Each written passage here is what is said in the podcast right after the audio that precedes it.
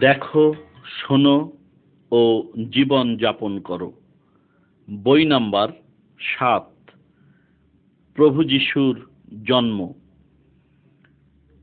ছবি নাম্বার এক, প্রভু যিশু ইসরায়েল দেশে বহু বৎসর আগে একটি গোয়াল ঘরে জন্মেছিলেন। কিন্তু তিনি অন্য একটি শিশুর ন্যায় জন্মগ্রহণ করেননি। তিনি বিশেষ একজন শিশু ছিলেন, তার মা কুমারী ছিলেন, তার বিয়ে হয়নি। তার নাম ছিল কুমারী মরিয়ম। তার বাবা ছিলেন সত্য ঈশ্বরে বিশ্বাসী। শিশু হিসাবে জন্মাবার আগেই তিনি এই পৃথিবীতে ছিলেন। তিনি সৃষ্টির আরম্ভ থেকে ঈশ্বরের সঙ্গে ছিলেন। যিশু এই পৃথিবীর সৃষ্টি করলেন। তিনি এ পৃথিবীর প্রথম মানুষকে ঈশ্বরের আত্মিক জীবন দেন। কিন্তু মানুষ সেই আত্মিক জীবন হারালো কারণ তারা শয়তানকে অনুসরণ করল এবং মৃত্যুবরণ করল। যিশু এই পৃথিবীতে এলেন ঈশ্বরকে মানুষের মাঝে প্রকাশ করার জন্য এবং তিনি আমাদের পথ দেখালেন যে কেমন করে আমরা আবার ঈশ্বরের সন্তান হতে পারি।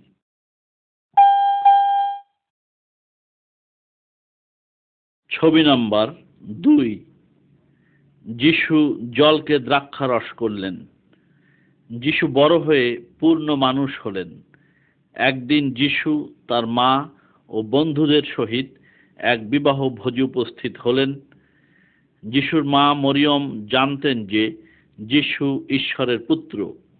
সুতরাং যখন দ্রাক্ষারস ফুরিয়ে গেল, তখন তিনি যিশুকে বললেন, তখন যিশুর মাতা মরিয়ম কর্মচারীদের বললেন যে, যিশু যে আদেশ করেন, তা তোমরা করো। ছয়টি বড় জলের জ্বালা বা পাত্র ছিল। যিশু কর্মচারীদের বললেন, সেই পাত্রগুলি পানি দিয়ে পূর্ণ করতে। তখন যিশু বললেন, এখন সেখান থেকে কিছু জল লও ও মনিবের কাছে নিয়ে যাও। এই জল তখন সত্যি মিষ্ট দ্রাক্ষারসে পরিণত হয়ে গেল। তখন যিশুর বন্ধুরা দেখল যে যিশুর মধ্যে ঐশ্বরিক শক্তি বা ঈশ্বরের আশীর্বাদ রয়েছে। পরক্ষণে তারা প্রভু যিশুতে বিশ্বাস স্থাপন করল।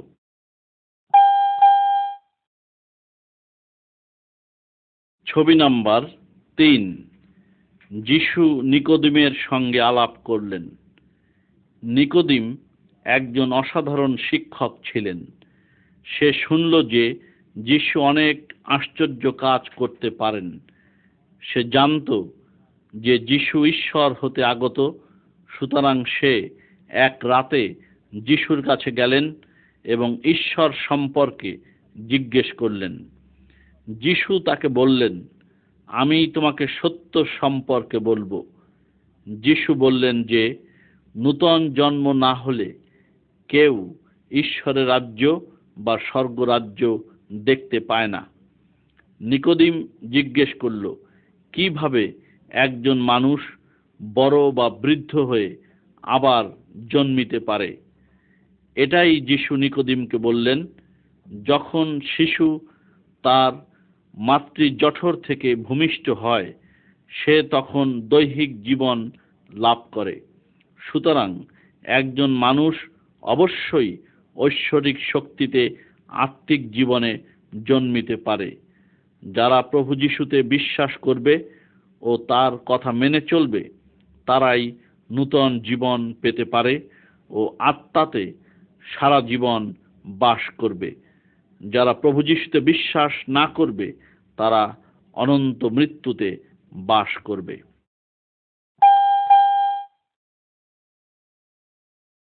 ছবি নাম্বার চার। একজন শাসক যিশুর কাছে নত জানু হলেন। যদি আপনার পুত্র খুবই অসুস্থ হবে, তখন আপনি কি করবেন? এই ছবির লোকটি বহু দূর হেঁটে যিশুকে দেখতে এলেন।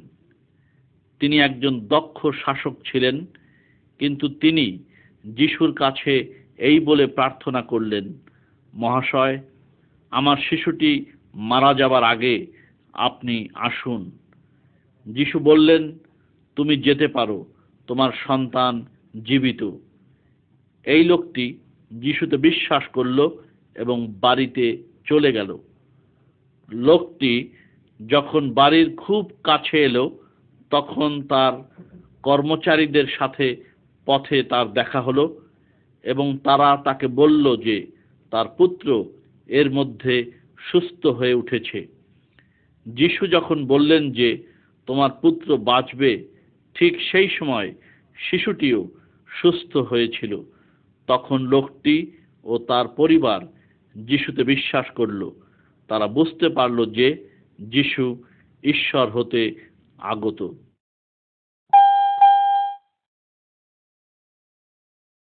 ছবি নাম্বার পাঁচ। পুকুরের পারে একজন অসুস্থ লোক। জেরুসালেম শহরে একটি পুকুর ছিল।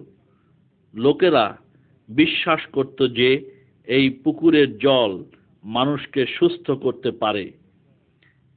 একজন লোক ছিলেন, সে আটত্রিশ বৎসর ধরে অসুস্থ ছিল।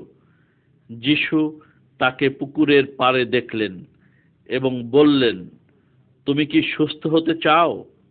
কিন্তু লোকটি উত্তর করল, আমার কেউ নাই যে এই পুকুরের নামতে আমাকে সাহায্য করে। যিশু বললেন, উঠে দাঁড়াও, তোমার মাদুর তুলে নাও ও হাঁটো।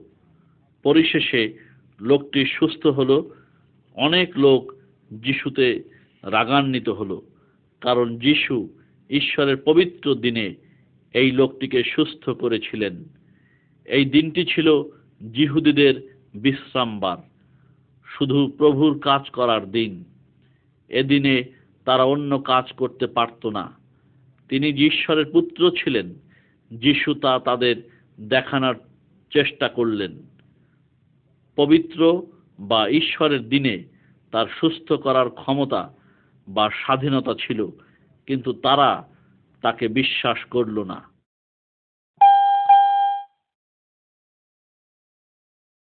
ছবি নাম্বার ছয়, যিশু পাঁচ হাজার লোককে আহার দেন। অনেক লোক জানত যে যিশু রোগীদেরকে সুস্থ করতে পারেন, তাই একদিন এক বিরাট জনতা তার পিছনে পিছনে ছুটল এবং একটি নির্জন স্থানে পৌঁছল। যিশু তখন তার বন্ধুদের বললেন, এই বিস্তর লোককে খাওয়ানোর জন্য কোথায় রুটি কিনতে পারো? এক বন্ধু বলল, এখানে একটি বালকের কাছে পাঁচটি ছোট রুটি ও দুইটি মাছ আছে, কিন্তু আমরা কতজনকে এই অল্প আহার দিয়ে খাওয়াতে পারব? যিশু তাদেরকে মাটিতে সারি সারি করে বসতে বললেন। যিশু সেই রুটি ও মাছ হাতে নিলেন এবং ঈশ্বরকে ধন্যবাদ দিলেন। তারপর যিশু এই সকল লোকদের রুটি ও মাছ খেতে দিলেন। তারা তৃপ্ত সহকারে খেল। যিশু তাদের বললেন, দৈহিক খাদ্যের জন্য কাজ করো না, কিন্তু আত্মিক খাদ্যের জন্য জীবন খাদ্যের জন্য চেষ্টা করো। যিশু বলেন, আমি জীবন খাদ্য, যে আমাতে আসে, আমাকে অনুসরণ করে, সে কোনোদিন ক্ষুধার্ত হবে না।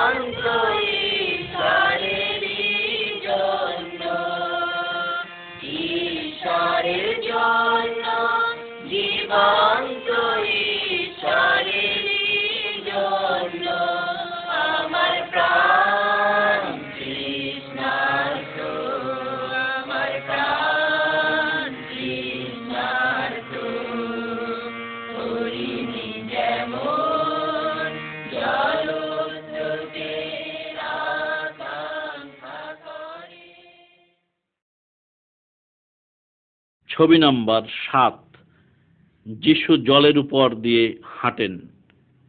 যিশু লোকদের খাওয়ানোর পর তার বন্ধুদের বাড়ি যেতে বললেন, আর যিশু ঈশ্বরের কাছে প্রার্থনা করার জন্য নির্জন স্থানে গেলেন। তার বন্ধুরা নৌকায় করে বড় একটি জলাশয় পার হতে লাগল। তখন জলাশয়ের মধ্যে গভীর অন্ধকার নেমে এলো। ও ভারী তুফান শুরু হলো। যিশু তখন পায়ে হেঁটে জলের উপর দিয়ে তাদের কাছে আসতে লাগলেন। নৌকার প্রত্যেকেই যিশুকে দেখে ভয়ে কাঁপতে লাগল।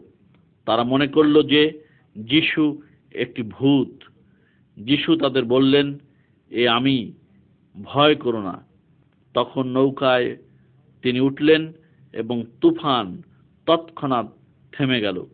যিশুর বন্ধুরা আবার দেখতে পেল যে সত্যি যিশুর ঈশ্বরের শক্তি বা ক্ষমতা আছে।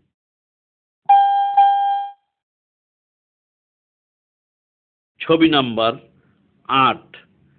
যিশু একজন জন্ম অন্ধকে সুস্থ করেন। কোনো এক গ্রামে একজন জন্মান্ধ ছিল। যিশুর বন্ধুরা মনে করল যে অন্ধত্ব হচ্ছে ঈশ্বরের দেওয়ার শাস্তি। কিন্তু যিশু বললেন যে, এই লোকটি একটি বিশেষ উদ্দেশ্যে অন্ধ হয়ে জন্মগ্রহণ করেছে, যেন মানুষ তার মাধ্যমে ঈশ্বরের মহৎ শক্তি দেখতে পায়। যিশু মাটিতে থুতু ফেললেন এবং কাদা তৈরি করলেন এবং ওই কাদা অন্ধ লোকটির দু চোখে লেপন করে দিলেন। ও তাকে বললেন, যাও এবং তোমার চোখ ধুয়ে ফেলো। লোকটি চলে গেল এবং চোখ ধুয়ে ফেলল ও দেখতে দেখতে চলে এলো। প্রিয় বন্ধুগণ, সত্যি করে আত্মিকভাবে আমরা প্রত্যেকে অন্ধ। আমরা ঈশ্বরের সত্যিকারের পথ দেখি না। কিন্তু প্রভু যীশু বলেন, আমি পৃথিবীর আলো। যে কেহ আমাকে অনুসরণ করে, সে কখনো অন্ধকারে চলবে না, কিন্তু জীবনের আলোতে জীবন যাপন করবে।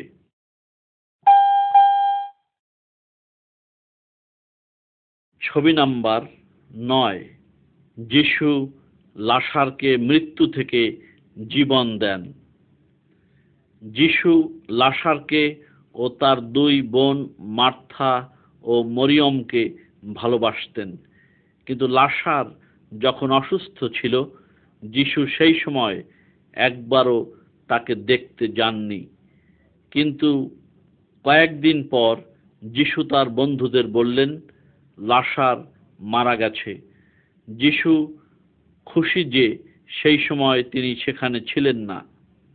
কারণ এটা আমার উপর বিশ্বাস স্থাপনে তোমাদের সাহায্য করবে।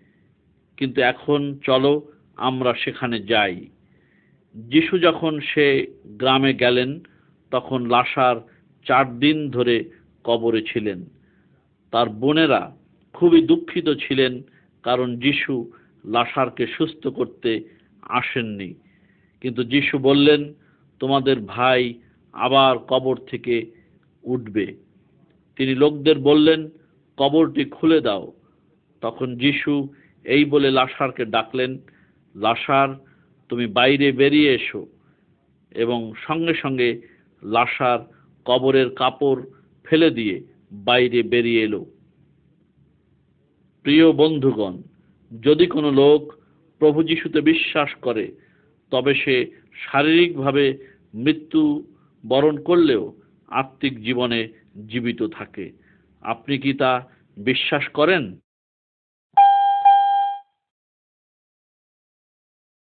ছবি নাম্বার দশ।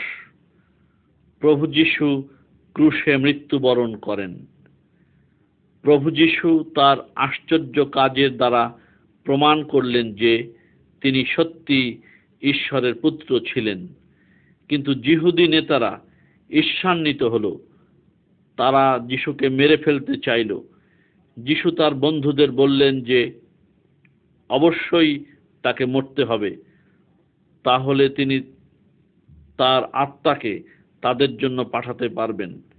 এটাই একটিমাত্র পথ ছিল, যার মাধ্যমে গোটা মানব জাতিকে ঈশ্বরের পথে আনা যায়।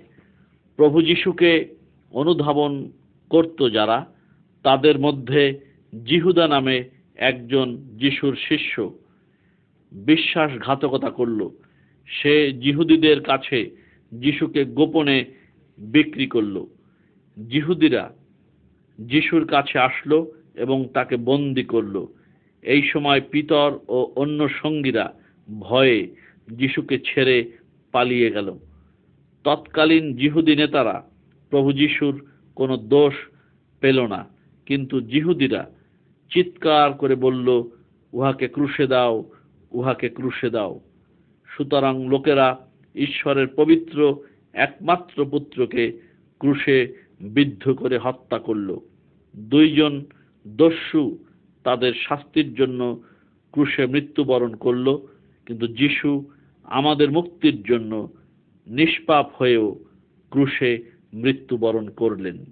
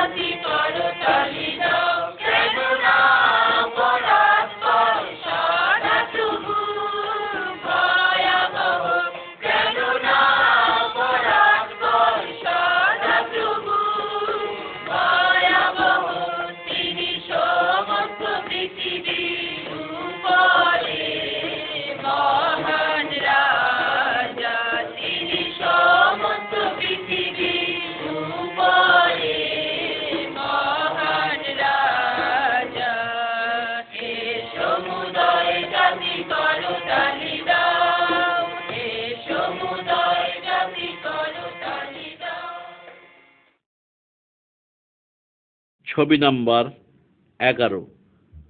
মরিয়ম যিশুর কবরের সম্মুখে। প্রভু যিশুর মৃতদেহ যে কবরে রাখা হয়েছিল, বড় একটি পাথর দিয়ে ওই কবরের মুখটি বন্ধ করে দেওয়া হয়েছিল। তৃতীয় দিনে মগদলিনী মরিয়ম যিশুর কবরের কাছে এলেন। তিনি দেখলেন যে পাথরখানা সরানো হয়েছে। এবং যিশুর দেহ সেখানে নেই। মরিয়ম কাঁদতে শুরু করল। তিনি নিচু হয়ে কবরের ভিতরের দিকে তাকাচ্ছিলেন। তিনি দেখলেন যে যিশুর দেহ যেখানে রাখা হয়েছিল, সেখানে দুইজন স্বর্গদূত বসে আছে। তখন যিশু দেখা দিলেন এবং বললেন, মরিয়ম, তুমি কার খোঁজ করছ? মরিয়ম মনে করল যে তিনি বাগানের মালি তিনি প্রভু যিশুর দেহ তার কাছে চাইলেন। তখন যিশু তাকে ডাকলেন, মরিয়ম, এখনই দেখো যে প্রভু জীবিত। যিশু তাকে বললেন, আমার বন্ধুদের কাছে ফিরে যাও এবং তাদের গিয়ে বলো যে আমি জীবিত হয়েছি। মৃত্যু ঈশ্বরের পুত্রকে বন্দি করে রাখতে পারে নাই।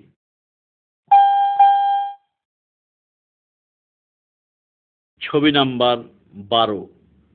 প্রভু যিশু তার বন্ধুদের দেখা দেন। প্রভু যিশু স্বর্গে যাওয়ার আগে আর একটা আশ্চর্য কাজ করেছিলেন। এক রাতে যিশুর বন্ধুগণ মাছ ধরতে গেলেন, কিন্তু তারা কিছুই ধরতে পারলেন না। পরে যখন ভোর হলো, তখন একজন লোক নদীর ধারে দেখা দিলেন। তিনি তাদের বললেন, কোথায় তাদের জাল ফেলতে হবে, তাহলে তারা অনেক মাছ ধরতে পারবে। তারা তখন সত্যি করে অনুভব করল যে এই লোকটি যিশু ছিলেন। তারা সব মাছ নদীর তীরে আনলো, যিশু তাদের জন্য খাদ্য তৈরি করলেন। খাওয়ার শেষে যিশু তাদের সঙ্গে কথা বললেন।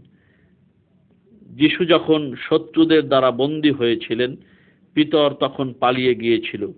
কিন্তু যিশু এখন পিতরকে বললেন, আমাকে অনুসরণ করো। তিনি পিতরকে আরও বললেন, তার লোকদের দেখাশোনা বা যত্ন করতে এবং তার বিষয়ে তাদেরকে শিক্ষা দিতে। যিশু চান যেন প্রত্যেক মানুষ তার আশ্চর্য কাজ সম্বন্ধে জানতে পারে। তাহলে প্রত্যেকে বিশ্বাস করবে যে তিনি ঈশ্বরের পুত্র। তারা যিশুকে অনুসরণ করবে এবং অনন্ত জীবনের অধিকারী হবে।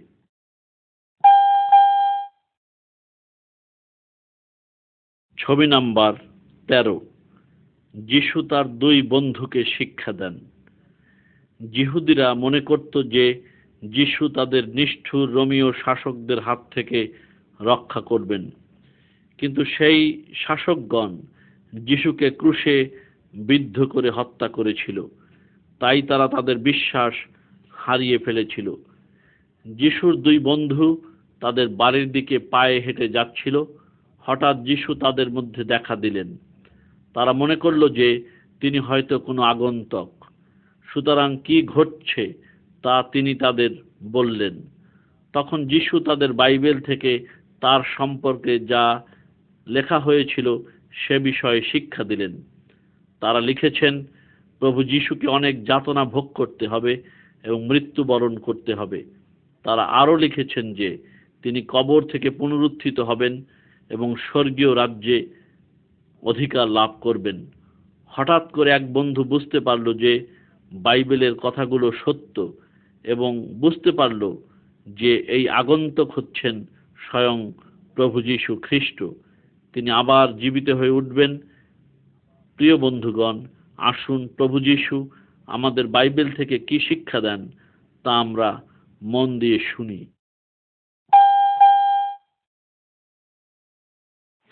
করো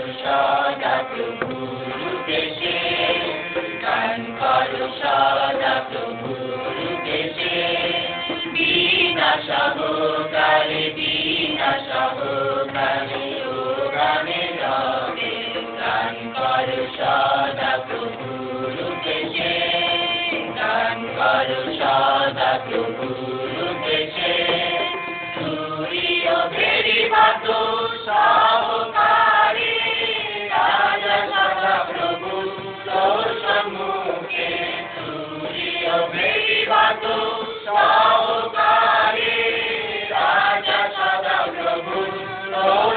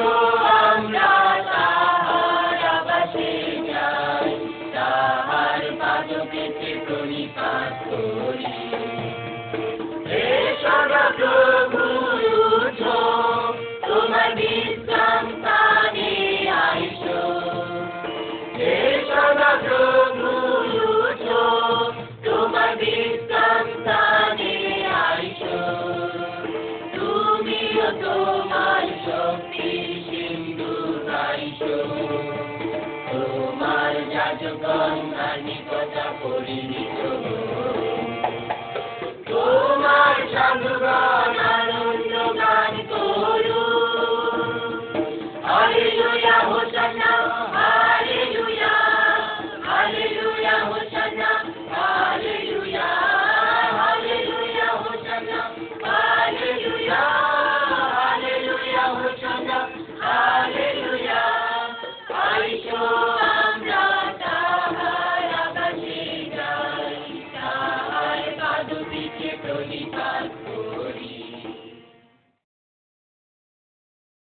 ছবি নাম্বার চোদ্দ।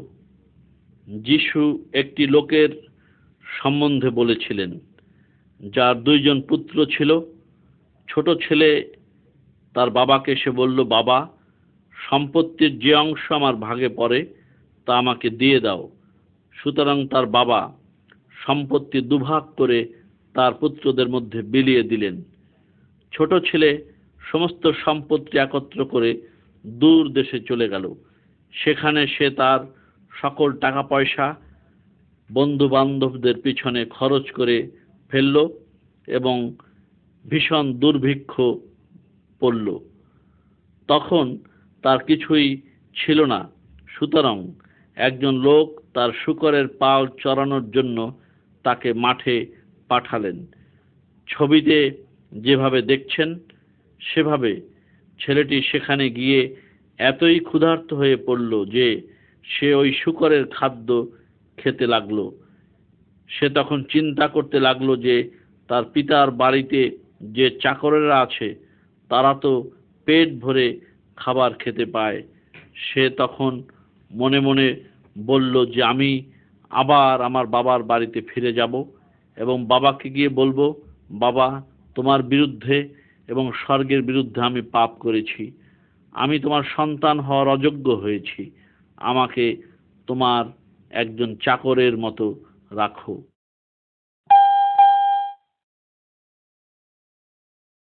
ছবি নাম্বার পনেরো। হারানো পুত্র ঘরে ফিরে এলো। এই ছেলেটি তার পিতার কাছে ফিরে আসছিল। কিন্তু যখন সে বাড়ির কাছাকাছি আসলো, তখন তার বাবা দূর থেকে তাকে দেখতে পেল। তার বাবা দৌড়িয়ে ছেলের কাছে গেল এবং তাকে বুকে জড়িয়ে ধরে চুমু খেতে লাগল। তার বাবা চাকরদের ডাকলেন এবং বললেন, ভালো কাপড় ও ভালো ভালো খাবার আনো।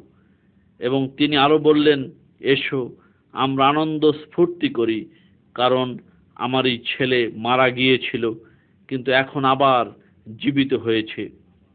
প্রিয় বন্ধুগণ যিশু আমাদের শিক্ষা দিতে চান যে ঈশ্বর হলেন আমাদের পিতার মতো এবং আমরা হলাম তার পুত্রের মতো। আমরা সেই ছেলের মতো যে পাপ করে দূরে চলে গিয়েছিল। কিন্তু ঈশ্বর এখনও আমাদেরকে ভালোবাসেন। তিনি আমাদের জন্য অধীর আগ্রহে তাকিয়ে আছেন। কখন আমরা আবার তার ডাকে ফিরে আসব। তিনি আমাদের ক্ষমা করতে চান। যিশু এসেছেন আমাদের পাপ ও মৃত্যু থেকে রক্ষা করতে। তিনি আমাদের ঈশ্বরের কাছে ফিরে যাওয়ার পথ দেখিয়েছেন।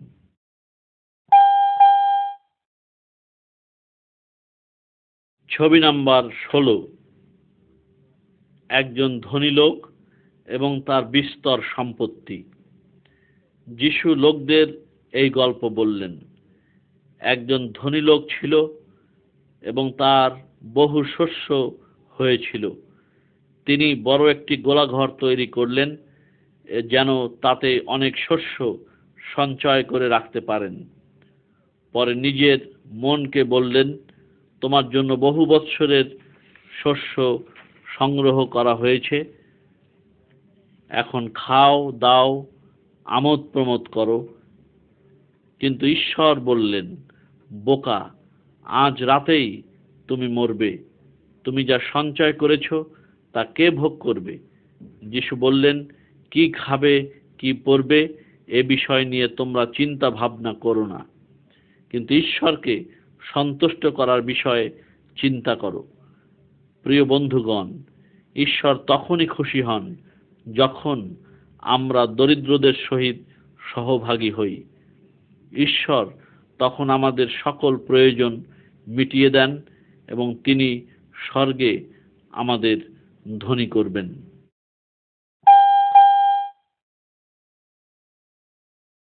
ছবি নাম্বার সতেরো, একজন ভিক্ষুক ও ধনী লোক।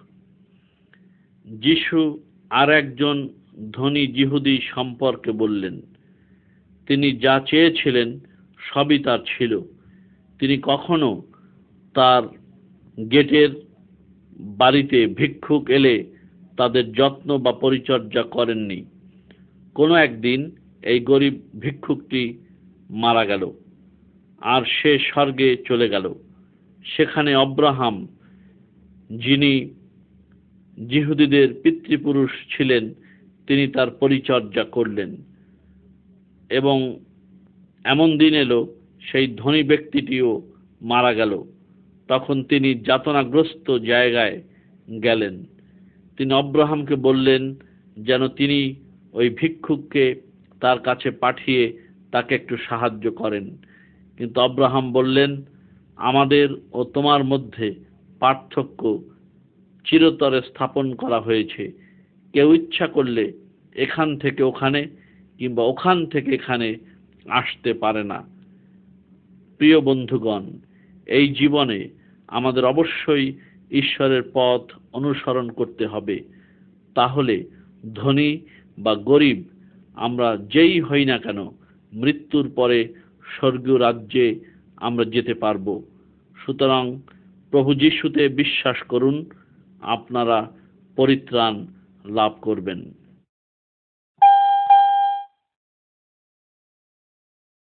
ছবি নাম্বার আঠেরো। দরজায় বন্ধু। কোনো এক লোক তার বন্ধুর ঘরে মধ্যরাত্রে এলেন এবং বললেন, বন্ধু, আমাকে কিছু রুটি ধার দাও। এক ভ্রমণকারী অতিথি আমার বাড়িতে এসেছে। এখন তাকে খেতে দেবার মতো আমার কিছুই নেই। তার বন্ধু এই সময় তার ছেলে মেয়েদের সঙ্গে ঘুমাতে ছিলেন। তিনি বিছানা থেকে উঠতে চাইলেন না, কিন্তু লোকটি তাকে বারে বারে ডাকতে লাগল।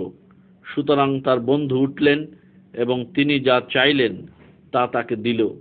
যিশু বললেন যে, আমার স্বর্গস্থ পিতার কাছে চাইতে হবে না, কারণ তিনি আমাদের পিতা। তিনি তার পবিত্র আত্মা ও প্রয়োজনীয় সব কিছু আমাদের দিতে চান। আমরা তার কাছে সঠিকভাবে প্রার্থনা করতে থাকলে তিনি আমাদের সব কিছু জুগিয়ে দিবেন।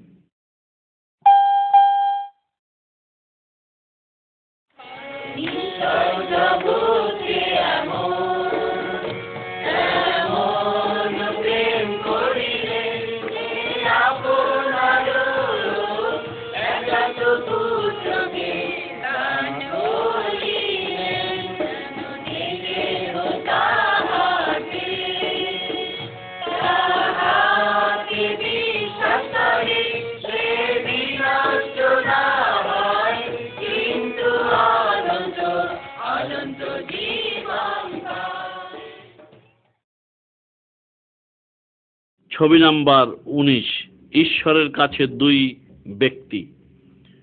যদি কেউ প্রার্থনার মাধ্যমে ঈশ্বরের কাছে আসে, তাহলে ঈশ্বর কি সেই প্রার্থনা শোনেন? এই ছবিতে একজন খুব ধর্মপরায়ণ লোককে দেখতে পান। তিনি অহংকারী ছিলেন। তিনি ঈশ্বরকে বললেন যে, তিনি অন্য লোকদের চেয়ে ভালো। কিন্তু আপনি কি এমন মনে করেন যে ঈশ্বর তার কথায় সন্তুষ্ট হয়েছিলেন। অন্য লোকটি ছিল করগ্রাহী। তিনি লোকদের টাকা চুরি করেছিলেন। তিনি জানতেন যে তিনি ঈশ্বরকে অসন্তুষ্ট করেছেন। তিনি তার বুকে করাঘাত করলেন এবং তার অন্যায়ের জন্য লজ্জায় মাথা নত করলেন। তিনি ঈশ্বরের কাছে প্রার্থনা করলেন এবং বললেন, প্রভু, আমি পাপি, আমার প্রতি কৃপা করো। যিশু বললেন, ঈশ্বর এই প্রকার প্রার্থনা শুনেন। তিনি তার পাপ ক্ষমা করলেন, ঈশ্বর অহংকারীদের ঘৃণা করেন, কিন্তু নম্রদেরকে অনুগ্রহ প্রদান করেন।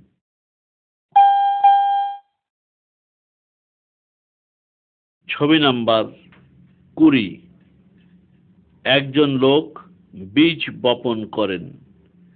যিশু অনেক লোকদের এই বলে শিক্ষা দিলেন যে, একজন কৃষক বীজ নিয়ে বপন করতে গেল।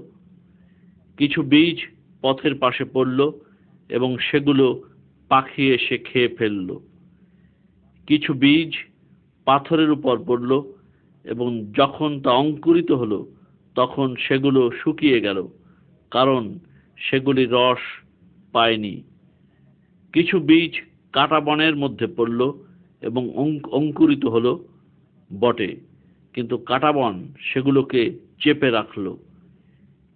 আর কিছু বীজ পড়ল উত্তম জমিতে এবং সেগুলো বড় হলো, কতক শতগুণ ফল দিল।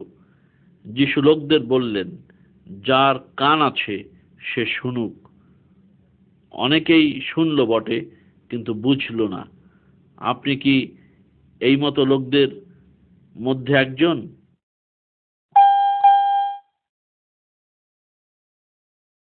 ছবি নাম্বার একুশ। বীজ অঙ্কুরিত হলো। যিশুর বন্ধুরা বলল, এই গল্পের অর্থ কি? তখন যিশু বললেন, বীজ হচ্ছে ঈশ্বরের বাক্য।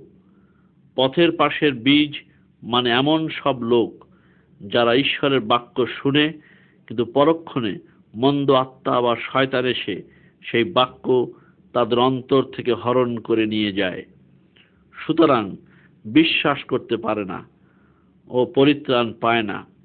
পাথরের উপরে পড়া বীজ মানে এমন সব লোক যারা কিছুক্ষণের জন্য ঈশ্বরকে বিশ্বাস করে, কিন্তু পরক্ষণে পরীক্ষা প্রলোভন এলে সেই বিশ্বাস তার হৃদয় থেকে চলে যায়।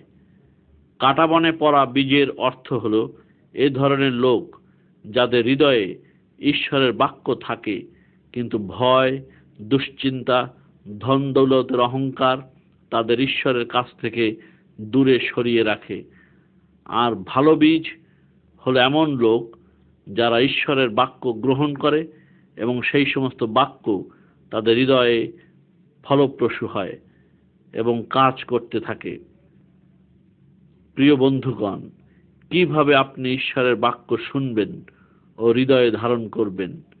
আপনি কি তার বাক্যের অবজ্ঞা করে বা তার কাছ থেকে দূরে সরে থাকতে চান?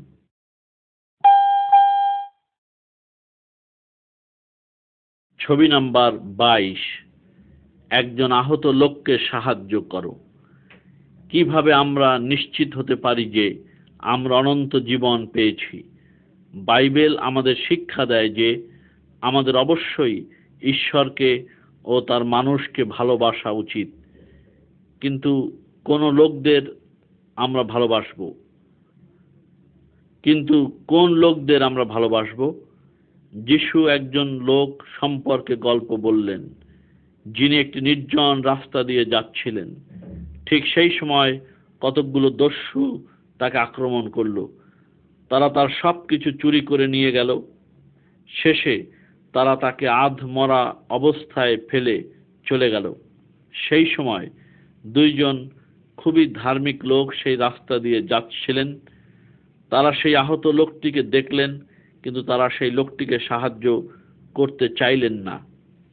পরে একজন বিদেশি লোক সেখানে আসলেন। তিনি আহত লোকটিকে দেখে দুঃখিত হলেন। তিনি সেই ব্যক্তির ক্ষত পরিষ্কার করে দিয়ে বেঁধে দিলেন। তারপরে সেই লোক, আহত লোকটিকে নিজের গাধার উপরে চড়িয়ে শহরে সুচিকিৎসার উদ্দেশ্যে নিয়ে গেল। যিশু বললেন যে, যদি আমরা ঈশ্বরের প্রতি ভালোবাসা দেখাতে চাই, তাহলে আমাদের এই মতো লোকদের ভালোবাসতে হবে যাদের সাহায্যের প্রয়োজন আছে।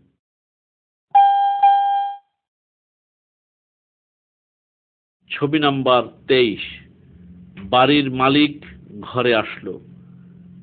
আপনাদের কি মনে আছে যে প্রভু যীশু মৃত্যু থেকে আবার জীবিত হয়ে উঠেছেন? অনেক লোক তাকে স্বর্গে যাবার আগে দেখেছেন। তিনি তাদের বলে গিয়েছেন যে তিনি আবার এই পৃথিবীতে আসবেন। তিনি বললেন যে, আমরা প্রত্যেকে প্রভু যীশুর দ্বিতীয় আগমনের জন্য ওই লোকদের ন্যায় অপেক্ষায় থাকব। আমরা জানি না যে কোন সময় প্রভু যীশু আবার আসবেন। আমাদের প্রভু যীশুর পক্ষে কাজ করা উচিত। যখন তিনি আসবেন আমাদের গ্রহণ করার জন্য, তখন আমাদের প্রস্তুত থাকতে হবে। তখন আমরা এক মহাভোজ প্রস্তুত করব। এই সময় আমরা খুব আনন্দ করব।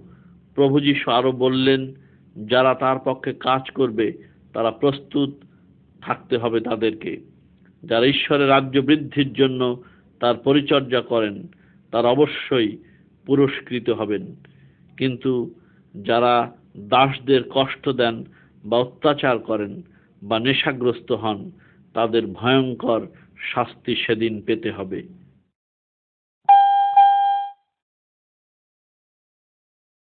ছবি নাম্বার চব্বিশ, একজন লোক গাছের উপরে। প্রভু যীশু যে কোনো লোককে রক্ষা করতে পারেন, সে বিষয়ে এই গল্পটি। গল্পটি মন দিয়ে শুনুন। শক্কেও নামে একজন ধনী করগ্রাহী ছিল। তিনি লোকদের কাছ থেকে অন্যায়ভাবে টাকা পয়সা আদায় করতেন। একদিন তিনি প্রভু যীশুকে দেখতে চাইলেন, কিন্তু ভিড়ের মধ্যে তার পক্ষে প্রভু যীশুকে দেখা সম্ভব হচ্ছিল না, কারণ তিনি দেখতে ছিলেন খুবই ছোটখাটো এবং সেখানে প্রচণ্ড ভিড় থাকাতে তিনি একটি গাছে উঠে বসলেন। সেখান দিয়ে প্রভু যীশু যাচ্ছিলেন। তিনি উপরের দিকে তাকালেন ও বললেন সক্কেও শীঘ্র নেমে আসো। আমি আজ তোমার গৃহে অতিথি হব। লোকের আশ্চর্য হয়েছিল, কারণ সক্কেও খুব ভালো লোক ছিলেন না। কিন্তু সক্কেও নেমে এলেন এবং আনন্দের সঙ্গে যিশুকে তার বাড়িতে আতিথেয়তা দান করলেন। তিনি প্রভু যিশুকে বললেন, তিনি মন্দ পথ ছেড়ে দেবেন এবং তার জীবন পরিবর্তন করবেন। যিশু বললেন, আজ এই ঘরে পরিত্রাণ উপস্থিত হয়েছে।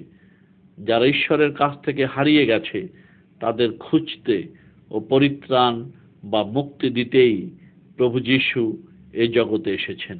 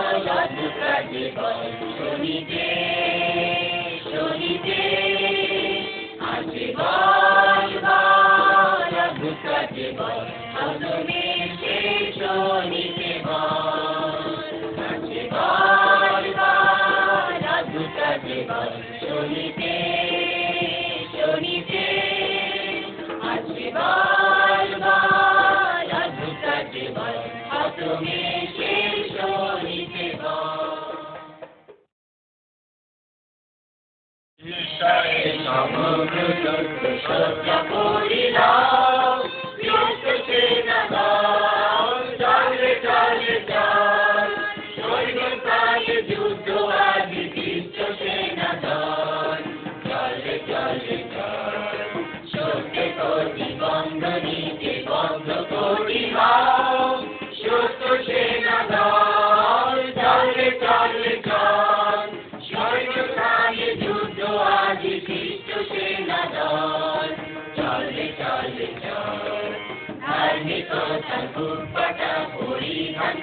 করিলাম ধার্মিক সেনা দল